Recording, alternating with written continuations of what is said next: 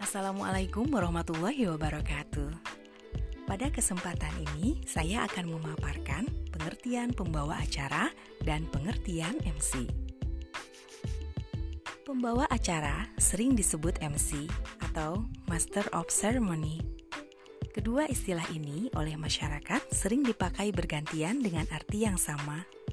Kadang-kadang mereka menyebut pembawa acara dan kadang-kadang menyebutnya MC. Penyebutan seperti itu tidak selalu salah, tetapi juga tidak selalu benar. Antara keduanya memang terdapat persamaan dan perbedaan. Pembawa acara dapat bertugas dalam acara resmi. Dengan demikian, dalam acara tidak resmi, pemandunya bisa disebut pembawa acara dan bisa juga disebut MC.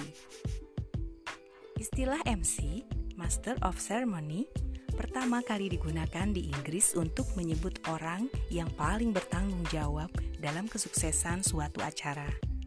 Selanjutnya, istilah MC sering dipakai kalangan ahli komunikasi dengan arti pengaturan acara. Dengan kata lain, MC bertugas menyusun acara dan mengelola pelaksanaan acara secara keseluruhan. Dalam perkembangan berikutnya, MC berarti pembawa acara yang bertugas dalam acara tidak resmi atau semi resmi. Selain istilah pembawa acara dan MC, masyarakat juga mengenal dan sering menggunakan istilah protokol.